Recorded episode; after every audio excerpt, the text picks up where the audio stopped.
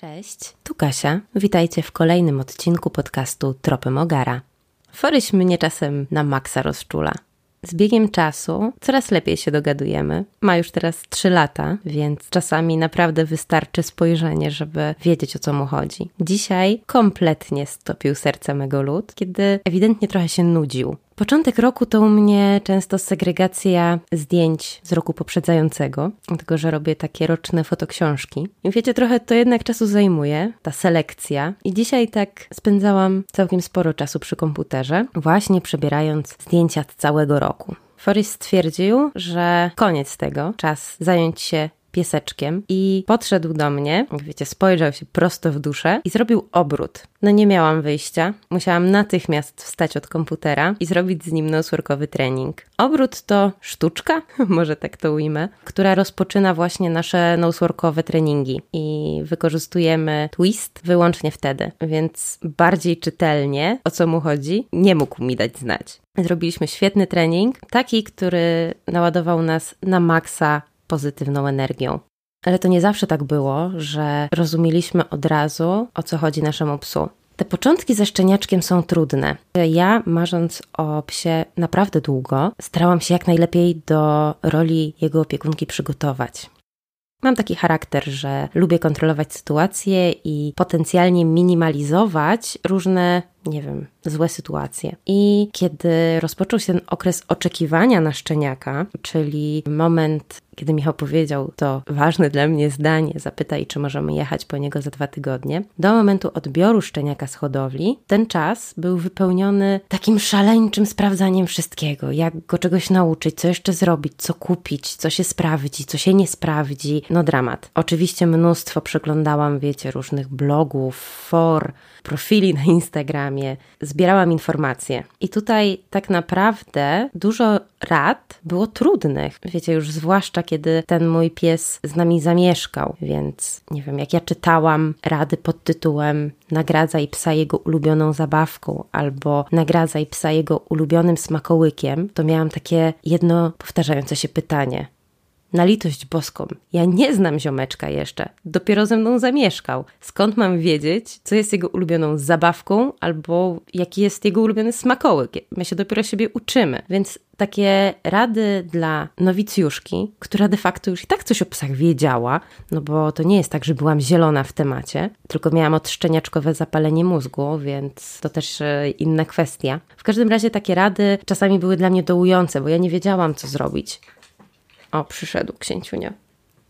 Nie wiedziałam tak naprawdę, w jaki sposób go najlepiej nagrodzić. Nie wiedziałam często o co mu chodzi i trochę się frustrowałam, że nie daję sobie rady tak, jakbym chciała sobie dawać tę radę. I dlatego dzisiaj postanowiłam nagrać ten odcinek, na wypadek, jakby trafił do mnie ktoś, kto jest w tym miejscu, w którym ja byłam te parę lat temu. Nagrywam ten odcinek dla tych, którzy szukają trochę pokrzepienia, bo tak naprawdę nie powinniśmy czytać na samym początku rad pod tytułem właśnie nagradzaj psa ulubionym smakołykiem. Ja bym chciała wtedy przeczytać zupełnie inną radę. Odpuść trochę dziewczyno, ogarnij się, wy dopiero się poznajecie. To, że w tym momencie nie nagrodzisz go tak sowicie, że on będzie skakał z radości na widok tej nagrody, nie oznacza, że popełniacie jakiś błąd docieracie się i to nie jest tak, że wy od razu musicie być najlepszymi przyjaciółmi, bo nie jesteście, dopiero wasza relacja się buduje, więc miej w sobie dużo wyrozumiałości do siebie i do tego, że nie od razu będziesz wszystko o tym psie wiedziała, a jak chwilę poczekasz, poobserwujesz i po prostu otworzysz się na te relacje na takiej zasadzie, żeby się to właśnie z niej uczyć, a nie z internetu, to wszystko będzie dobrze. I słuchajcie, miałam bardzo duże szczęście, bo już od jakiegoś dłuższego czasu e, byłam na różnych grupach na Facebooku związanych z ogarami. Na dwóch.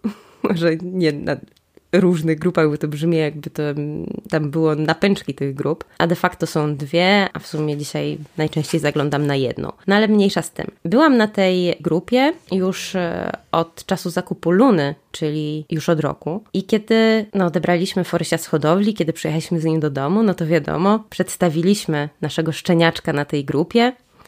No to takie naturalne dosyć. Właściwie chyba wszystkie ogary, które e, zyskują nowy dom, w ten sposób są tej społeczności przedstawiane. No i wtedy oczywiście nagle odezwało się sporo osób. Tutaj opiekun babci i siostry przyrodniej Forysia, e, tutaj jakiś brat, tutaj wiecie, no szaleństwo. Bo wiecie, to jest taka specyficzna społeczność miłośników rasy, takich prawdziwych ogaromaniaków, więc tam wiadomo, już od razu zaczynają się analizy, kto gdzie z kim i tak dalej, i tak dalej. No i oczywiście, no jak tutaj padło, że jesteśmy w Warszawie, to zaczęliśmy dostawać propozycje jakichś spotkań z innymi ogarami, po tym jak e, już Forys oczywiście będzie po szczepieniach. No i też były osoby, które chętnie dzieliły się takimi serdecznymi radami, czyli to nie jest e, typ rady, o które nikt nie prosił, tylko takie serdeczne wsparcie kogoś na początku ze szczeniakiem. I taka Beata napisała do nas, od razu właśnie wypytywała o Forysia, zaczęła podrzucać mi różne pomysły, chociażby taki, że warto zapisać Forysia do psiego przedszkola. Beata poleciła mi konkretne osoby, które mogłyby się nami zaopiekować w tym początku początkowym okresie. I to tak naprawdę było absolutnie złotą radą i czymś, za co jestem szalenie wdzięczna. Dlatego, że dzięki Bacie poznaliśmy nasze wspaniałe trenerki, Hanie i Anie, które doskonale znają rasę, które mają doskonałe podejście. I tutaj wiecie, czasami teraz się gdzieś mi przewijało na Instagramie takie stwierdzenie, że tutaj dobry trener musi mieć właśnie swoje portfolio, jak gdyby w social mediach i tak dalej, i tak dalej. A to jest guzik prawda, dlatego że tak naprawdę za dużo rzeczy o dziewczynach nie jesteśmy się w stanie dowiedzieć z internetu, a są po prostu encyklopedią. Są dla mnie absolutnym autorytetem i są osobami, którym w tym psim świecie ufam w stu procentach i bardzo się cieszę, że, że je poznałam. W każdym razie właśnie do nich zostaliśmy skierowani. Ja też e, poznając rasę i czytając o niej, też e, często czytałam, że, że to szkolenie jest potrzebne, po prostu, bo ogary to są trudne bestie. No nie sądziłam, że aż tak trudne, ale faktycznie no łatwo, łatwo nie jest z takim uparciuchem który naprawdę kalkuluje, czy mu się coś opłaca, czy nie. I nie jest stworzony do tego, żeby spełniać każdą naszą zachciankę. I takiego psa chciałam. Tutaj, tutaj nie jestem zdziwiona i tego nie przedstawiam w złym świetle. To są po prostu bardzo niezależne, bardzo mądre, bardzo inteligentne psy, przy których po prostu trzeba trochę popracować. No i właśnie uzbrojona w tę wiedzę, jeszcze skierowana do konkretnych osób, napisałam właśnie do Hani i okazało się, że właśnie rusza grupa przedszkolna i po tygodniu, niespełna tygodniu Forysia u nas, już byliśmy na pierwszych zajęciach. I powiem Wam, że to nie jest fanaberia, jeżeli gdzieś tam Wam jakiś Janusz behawioryzmu sprzed 20 lat powie, że kiedyś to nie było takich rzeczy i ludzie dawali radę. No dobra, ale kiedyś też wiedza po prostu o psach była mniejsza. I jeżeli możemy oddać się w ręce specjalisty, to dlaczego tego nie zrobić? I tutaj nie chodzi o to, że sami nie nauczymy psa, nie wiem, siadania, leżenia czy czegokolwiek, bo oczywiście, że nauczymy. Ale praca z trenerem jest doskonała dlatego, że ten trener natychmiast wyłapuje Twoje błędy. Nie Twojego psa, tak naprawdę. On Ciebie uczy, jak masz z nim trenować, żeby właśnie nie wydłużać jakiegoś procesu, żeby być dla psa czytelnym. I tak naprawdę mnóstwo rzeczy się nauczyliśmy tym psim przedszkolu. Mnóstwo rzeczy nauczyliśmy Forysia, o których byśmy nie pomyśleli. I to na przykład w psim przedszkolu właśnie dziewczyny nam powiedziały, że mamy nie uczyć Forysia podawania łapy na początku. I że to powinna być absolutnie ostatnia komenda, jaka nam e, wpadnie do głowy, żeby go nauczyć. Dlatego, że znały rasy i wiedziały, że ogary są bardzo łapne. To tak jak e, wspominałam w poprzednim odcinku, we wpisie na blogu, że Foryś próbki w Noseworku atakuje łapą tylko że ogary dużo robią łapami, po prostu. I jeżeli byśmy nauczyli go podawania łapy przed innymi ważnymi dla nas hasłami, to jeżeli nie wiedziałby, co robić, to najpewniej podawałby łapę, dlatego że psy oferują nam to, co już umieją. Jak tam się uczymy i, i próbujemy im wytłumaczyć, że chcą coś innego, e, to, to jednak często robią to, co już wiedzą, że, że czasami od nich chcemy. No więc tutaj, biorąc pod uwagę, że te łapy ogarze no, najmniejsze nie są i są całkiem silne, powiem Wam, no to to była złota rada, żebyśmy w ogóle nawet nie myśleli o tym, żeby go tego podawania łapy uczyć, bo będziemy po prostu podrapani. Ale to oczywiście jest y, kropla w morzu, to jest jakaś taka, wiecie, ciekawostka, a cała wiedza na życie no to, no to już e, zupełnie inna historia. Myślę, że o samym przedszkolu to jeszcze zrobię osobny odcinek, bo tutaj to chcę tak e, mniej więcej zawrzeć, co bym zrobiła, czego bym już na przykład dzisiaj nie robiła, zapraszając szczeniaka w swe progi. Czyli tak, na pewno poszłabym do specjalisty, do przedszkola, dlatego żeby psiak uczył się nadal jakichś e, relacji z innymi szczeniakami. I tutaj też jest ważne, żeby iść do takiego przedszkola, które nie wygląda tak, że po prostu puszczamy psy i te szczeniaki się naparzają i, i nie wiadomo co robią, tylko to wszystko jest kontrolowane. Tam u nas było i był czas na to, żeby pieski sobie pobiegały ze sobą i się popoznawały i tak dalej, ale nie, nigdy nie wyglądało to tak, że psy zaczynają biegać, a my na przykład zaczynamy rozmawiać o czymś. Nie, to było tak, że na hasło wszyscy odpinaliśmy w tym samym czasie e, linki, smycze e, i psy rzeczywiście zaczynały wchodzić w interakcję. Trenerki komentowały, co się dzieje, na co mamy zwrócić uwagę, jak mamy na przykład psu udzielić wsparcia.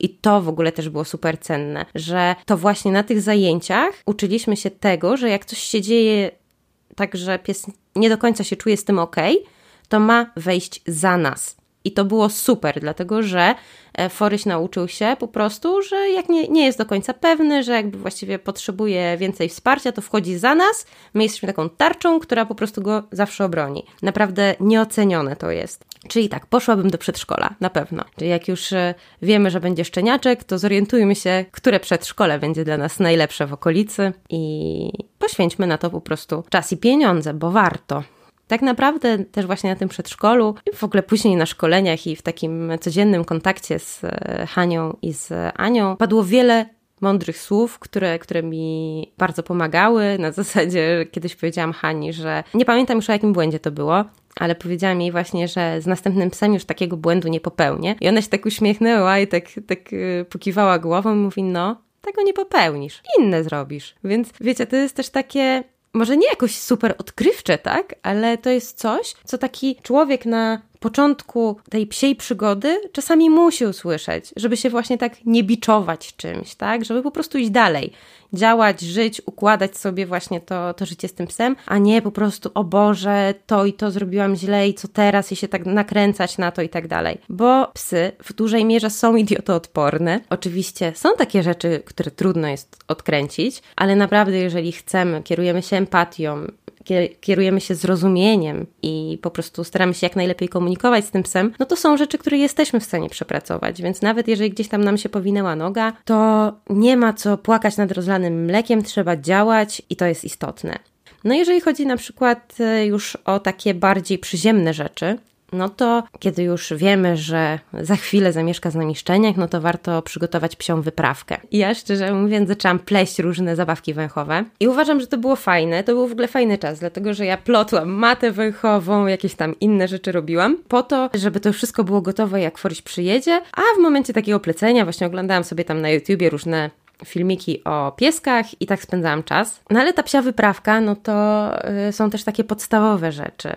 No miski, bo z czegoś będzie musiał jeść i pić. Dodatkowo bardzo ważne jest to, żeby też nie szaleć jakoś za mocno. Wiecie, będziemy się dopiero poznawać. To jest szczeniaczek, on naprawdę nie potrzebuje miliona rzeczy. On przede wszystkim potrzebuje nas, naszej uwagi, naszego zaangażowania, a te wszystkie zabawki designerskie i tak dalej, to jest, to wszystko schodzi na dalszy plan.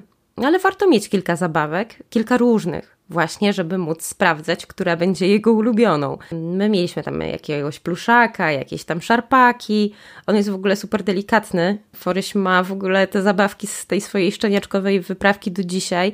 On się nimi bawi i są w super stanie, ale to jest dosyć wyjątkowy piesek. Może wam się trafić taka pirania, która rozszarpie w ogóle wszystko w 3 sekundy, tak? Więc też nie inwestujcie w to nie wiadomo ile kasy, bo lepiej sobie odłożyć do skarboneczki na potencjalną opiekę weterynaryjną weterynaryjną, tak? Tam jeszcze no szczepienia, odrobaczenia i w ogóle mnóstwo różnych rzeczy. Może też e, nam się coś przytrafić niespodziewanego, więc myślę, że na to lepiej odłożyć kasę, a nie, a nie na jakieś e, nie wiadomo jakie zabawki na sam początek. Tutaj jeszcze na pewno przyda się jakaś obruszka czy szeleczki. Często w e, wyprawkach od hodowcy się dostaje takie rzeczy, ale też nie zawsze. Warto się tutaj do, dopytać, co ten piesek ze sobą będzie miał. No ale jeżeli już na przykład kupujemy jakieś szelki, no to wiecie, no to nie mamy wymiarów tego psiaka. On rośnie w ogóle w zastraszającym tempie, więc też tutaj ostrożnie, bo to, to nie będą szelki, w których będzie chodził przez dwa miesiące nawet, bo w dwa miesiące to on się podwoi, że tak powiem. My pierwsze szeleczki Forysia dostaliśmy w spadku po psiaku e, przyjaciół. Tak na sam początek, żeby miał co założyć. Oczywiście miał też obruszkę. Potem on wyrósł z tych szelek naprawdę dosłownie, nie wiem,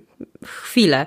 Kolejny dostał w spadku po lunie z kolei i dopiero trzecie szelki były takie na dłużej dla niego. E, więc tutaj spokojnie. Na pewno będziemy potrzebować smyczy. Nie kupujcie za ciężkiej, bo to też ma znaczenie, tak? Tą smyczą się komunikujemy z psiakiem i bez sensu, żeby tam się za nim walała, ciągnęła jakoś nie wiadomo jaka ciężka, długa lina. Ale taka na przykład też dłuższa linka się przyda, no bo dopiero się siebie uczycie, będziecie się uczyć przywołania. Szczeniaki zazwyczaj trzymają się blisko, więc, e, więc warto z tego korzystać, ale tam jeżeli czasami chcemy mieć spo większy spokój w głowie, to, to właśnie przypięcie takiej długiej linki, która się będzie za psem ciągnęła, też będzie ok, więc warto taką mieć. My też w ogóle od razu kupiliśmy Konga i jestem bardzo zadowolona. Myślę, że to jest jedna z tych zabawek, które kolejny raz też bym kupiła. I co? No i to, to tyle właściwie. No, no legowisko, bo gdzieś musi spać. U nas wiecie, Foryś miał nie spać na łóżku, to był taki warunek Michała, że pies nie będzie spał z nami w łóżku. No i ja byłam z tym warunkiem ok.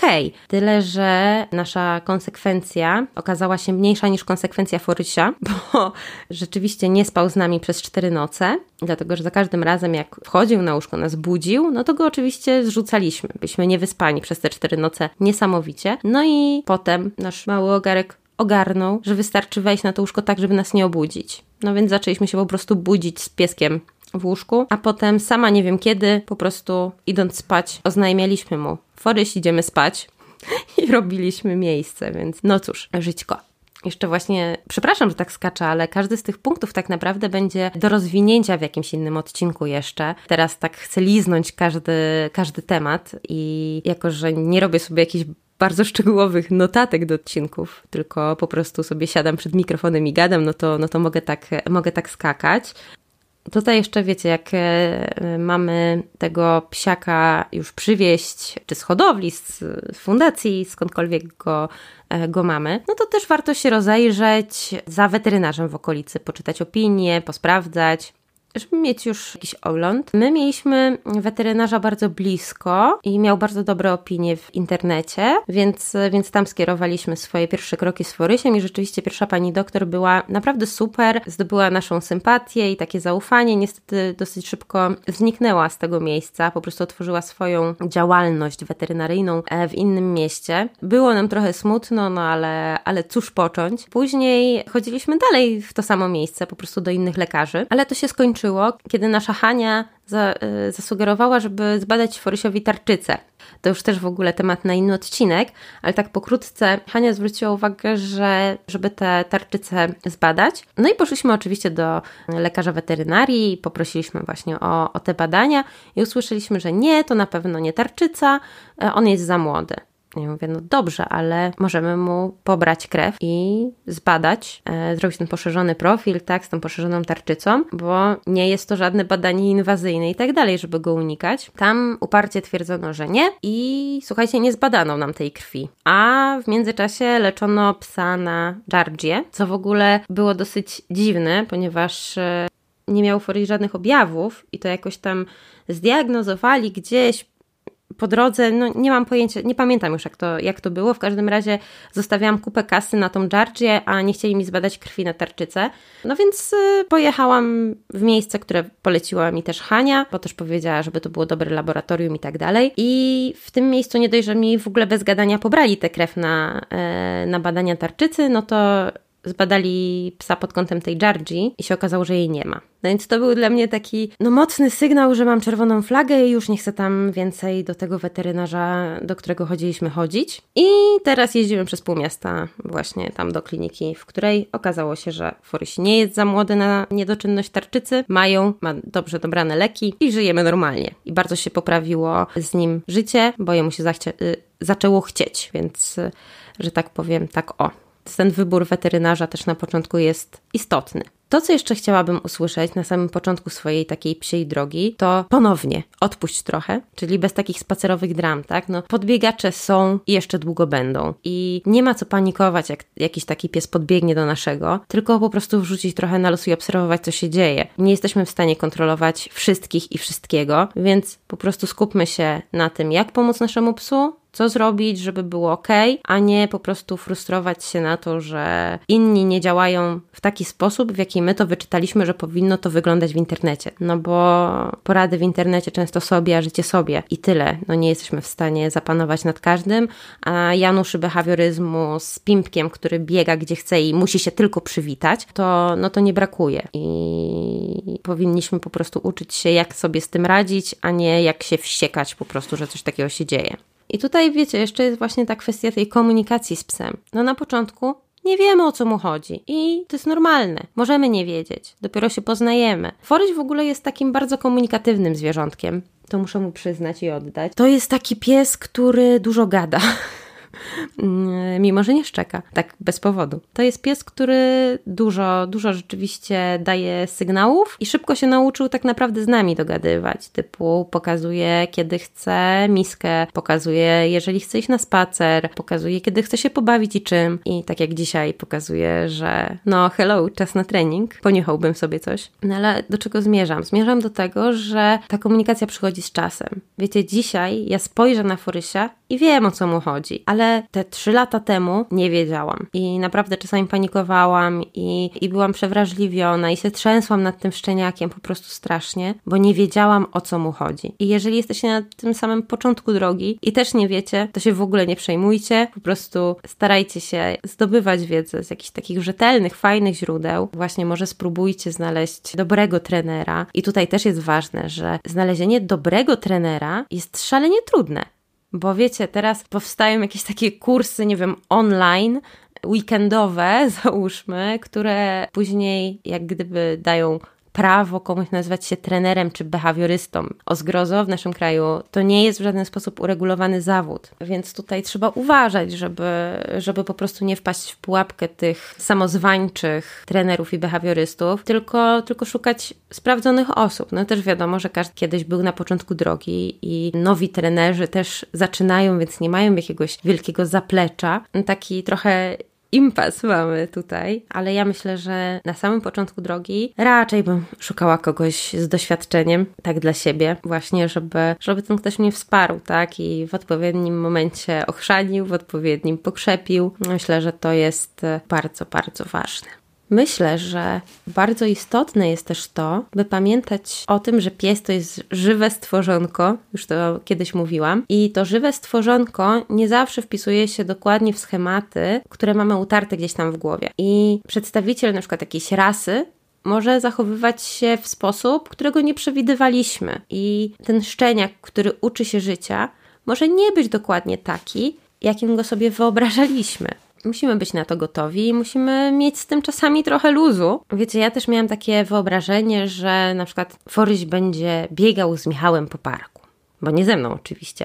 Bieganie to jest w ogóle dla mnie najgorsza rzecz na świecie. Więc tak, to z Michałem miał biegać, a nagle się okazało, że nasz szczeniaczek generalnie to jak my zaczynamy biec, to on staje nie? I w ogóle to było nie do przejścia, żeby, żeby on chciał się przebiec. Ja tutaj też nie mówię o wymuszaniu jakiegoś tam ruchu, nie wiadomo jakiego na szczeniaku, no bo to, to też jest niebezpieczne i to też jest temat na inny odcinek. Ale generalnie to już było wiadomo, nawet w takiej zabawie, że no biegania tutaj może nie być, tak? No były takie różne jakieś oczekiwania, to myślałam, że na przykład będziemy sobie tutaj zwiedzać mnóstwo przelubnych e, miejscówek, na przykład miejskich. A mój pies nienawidzi miasta w sensie boi się takiego zgiełku licznego i tak dalej. Więc ma 3 lata, nie, nie zabieram go na starówkę, bo to nie jest dla niego, on jest y, po prostu innym typkiem. I pracuję nad miastem oczywiście, ale też już nie mam czegoś takiego, że tak bym chciała tutaj z nim chodzić po muzeach i w ogóle wszędzie. Yy, stwierdziłam, że ja mogę iść sobie do muzeum, kiedy on odsypia nasz trening i tyle, tak? I się z tym pogodziłam. No ale w każdym razie właśnie takie nasze pewne wyobrażenia i oczekiwania czasami są weryfikowane przez rzeczywistość. I kiedyś Hania powiedziała mi, że psa ma się takiego, jakiego się potrzebuje, a nie takiego, jakiego się chce. I coś w tym jest, bo my z Michałem ewidentnie potrzebowaliśmy właśnie Forysia. Potrzebowaliśmy psa, który pokaże nam, że nie nad wszystkim mamy zawsze kontrolę i czasami właśnie musimy odpuścić plus nauczy nas cierpliwości, dlatego że oboje byliśmy zawsze w gorącej wodzie kompanii, lubimy mieć efekty tu i teraz, a Foryś doskonale nas nauczył tego, że czasem na efekt trzeba poczekać i popracować dłużej. No dobra, zbliżam się już do końca dzisiejszego odcinka. Bardzo Wam dziękuję za uwagę. Mam nadzieję, że znaleźliście tu jakieś słowa na pokrzepienie swoich serduszek. A jeżeli jesteście już starymi wyjadaczami w psim świecie, to że się nie zanudziliście, tylko też na przykład mieliście moment takiej refleksji i może takich właśnie wspomnień szczeniaczkowego okresu albo takiego po prostu okresu, kiedy rozpoczęliście przygodę ze swoim psem. Myślę, że tutaj poruszyłam sporo wątków, które jeszcze kiedyś będę rozwijać. Myślę, że psia wyprawka może być zupełnie osobnym tematem na odcinek. Y, wybór właśnie lekarza weterynarii, psie przedszkole w całej swojej rozciągłości. Y, to jest bardzo, bardzo złożony temat, o którym pewnie chętnie poopowiadam jeszcze. Myślę, że do samej komunikacji i, i takiego zrozumienia z psem wrócę jeszcze niejednokrotnie. Potraktujmy ten dzisiejszy, piąty już odcinek jako, jako taką zajawkę. Po raz kolejny zachęcam Was do podzielenia się z kimś moim podcastem i tym samym pomocy mi w promocji mojego nowego projektu. No dobrze, żeby nie przedłużać, bardzo Wam dziękuję za uwagę i do usłyszenia.